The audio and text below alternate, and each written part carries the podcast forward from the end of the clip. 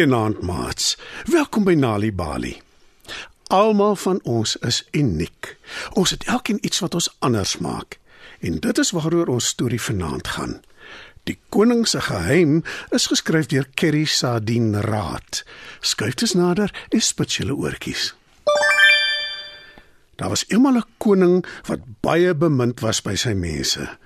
Die koning was 'n gelukkige man, maar hy het 'n groot geheim gehad wat hy ten alle koste weggesteek het vir sy mense, een wat hom baie bekommerd gemaak het. Die geheim het hy onder sy kroon weggesteek gehou. Hy het elke liewe dag sy kroon gedra en is nooit daarsonder gesien nie. Die mense in sy koninkryk het later begin wonder hoekom hulle hom nooit sonder sy kroon sien nie. Ek wonder of hy bad met sy kroon op sy kop.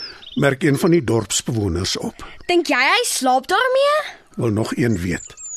Daar is net twee mense wat die koning nog ooit sonder sy kroon gesien het. Hulle is die koningin en sy koninklike haarkapper. Die haarkapper sny eenmal 'n jaar net voor die koning se verjaarsdag sy hare. En dis weer sulke tyd. Dis amper die koning se verjaarsdag, maar die haarkapper is ongelukkig siek en sy kan nie die koning se hare sny nie. Sy voel sleg daaroor, maar besluit tog om 'n kans te vat en haar tweelingsuster wat ook 'n haarkapper is, te stuur om die taak uit te voer. Toe die koning dit hoor, is hy bekommerd. Nee, sy wag vir iemand vertel wat sy onder my kroon sien nie. Sê hy weer agter vir die koningin. Hy maan ook sy koninklike haarkapper se suster. Onthou, sê die koning streng vir haar. Jy mag vir geen siel vertel wat jy onder my kroon sien nie, want as jy dit doen, stop ek jou in die tronk vir die res van jou lewe. Toe gaan sy die koning en haal sy kroon af. Die haarkapper kan haar oë nie glo nie. In plaas van mensore het die koning 'n eislike paar donkieore. Sy sukkel om nie te lag nie. Verbeel jou, 'n koning met donkieore. Maar die haarkapper hou haar in. Sy sê niks nie en sny net die koning se hare. Sy moet haar storie ken om nie die lang donkieore raak te sny nie. Toe sy klaar is, herinner die koning haar aan haar belofte. Hy vergoed haar en sy vertrek. Dae gaan verby, maar die haarkapper kan maar net nie vergeet wat sy gesien het nie. Sy brand om iemand te vertel wat sy weet, maar sy is te bang sy beland aan die tronk vir die res van haar lewe. Maar die brandende begeerte wil haar maar net nie verlaat nie en sy dink aan maniere waarop sy wel die geheim kan vertel op 'n plek waar niemand dit ooit sal hoor nie. Sy loop tot diep in 'n bos totdat sy 'n groot boom kry met 'n dik stam. Die haarkapper maak seker daar's niemand in die omtrek nie.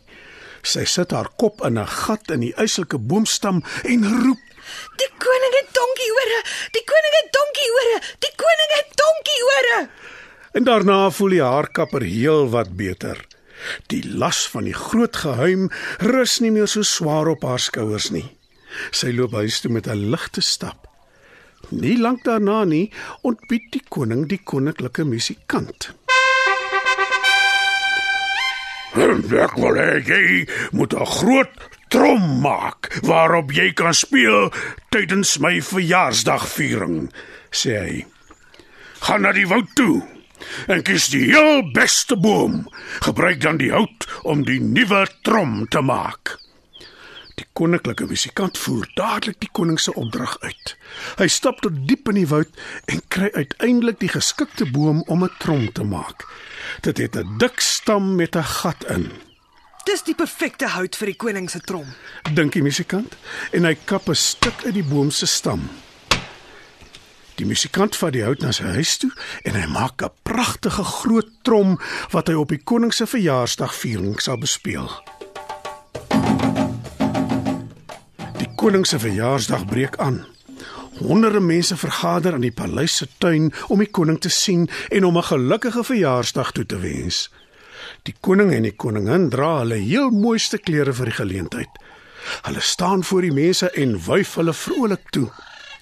Die tyd breek aan dat die koninklike musikant vir die koning moet speel. Almal bly choop stil. Die musikant gaan staan langs die pragtige groot trom wat hy pas gemaak het vir die geleentheid. Hy begin speel. Maar O aarde, in plaas van die beplande verjaarsdaglied, begin die trom self te sing. Die koning het donkieore. Die koning het donkieore. Die koning het donkieore. Die hout waarvan die trom gemaak is, is die boom waarin die haarkapper haar geheim oor die koning ingeroep het. Die trom is hard en elke liewe mens kan hoor wat dit sing. Almal is geskok. Die musikant is doodsbang en die koning, hy is woedend. "Hoe durf jy sulke leuns vertel?" Skree hy vir die musikant. Dis nie ek nie, u majesteit. Dis die trom. Die trom sing self die woorde. Antwoord die verskrikte musikant pleitend. Die koning kyk na die haarkapper wat sy hare gesny het en skree: "Is jou stem wat haar praat? Wagte!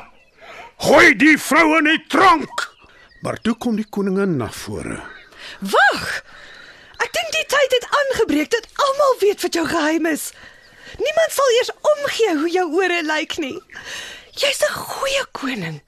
Jy gee om vir jou mense en jy hou nou al te lank die geheim.